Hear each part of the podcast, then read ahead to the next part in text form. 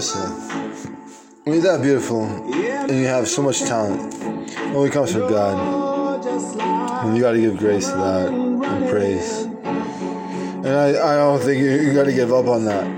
You got to keep going every week, sometimes every day. And, it, it just doesn't come come over like a, a week. It doesn't happen over a week.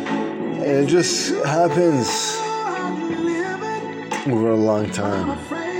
You know, it happens from First Communion, even prior to First Communion, that's from baptism. And it carries forward from baptism, communion, confirmation, to, to many other things, many other aspects, many aspects of sacraments, such and forth.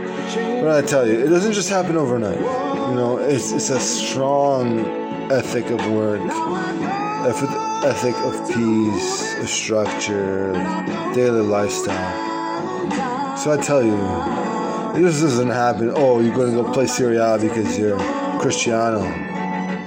Cristiano has a lot of values, a lot of attributes. It doesn't just happen. Oh, it's going to happen. You have to work. You have to build yourself towards that. You have to read a lot of books. You have to read a lot of statistics. You have to be on the pitch. You have to play a lot of training sessions. You have to learn a lot of techniques. You have to learn a lot of shooting techniques. To learn a lot of things. You learn a lot of trophies. You have to learn a lot of medals, so on and so forth.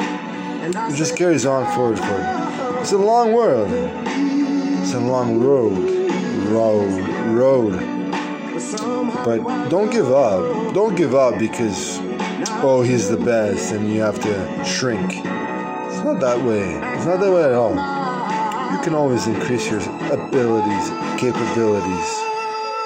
Hard work is always rewarded. Just keep going for it. Like I say, never give up. Always try your best. Every mountain is a trial and error. Trial, but always success too. So always push forward. Like I say, sometimes the hills are even just as good as the mountains. So always push forward. Keep striving forward. Anyway, that's all I can tell you. A change is going to come, okay?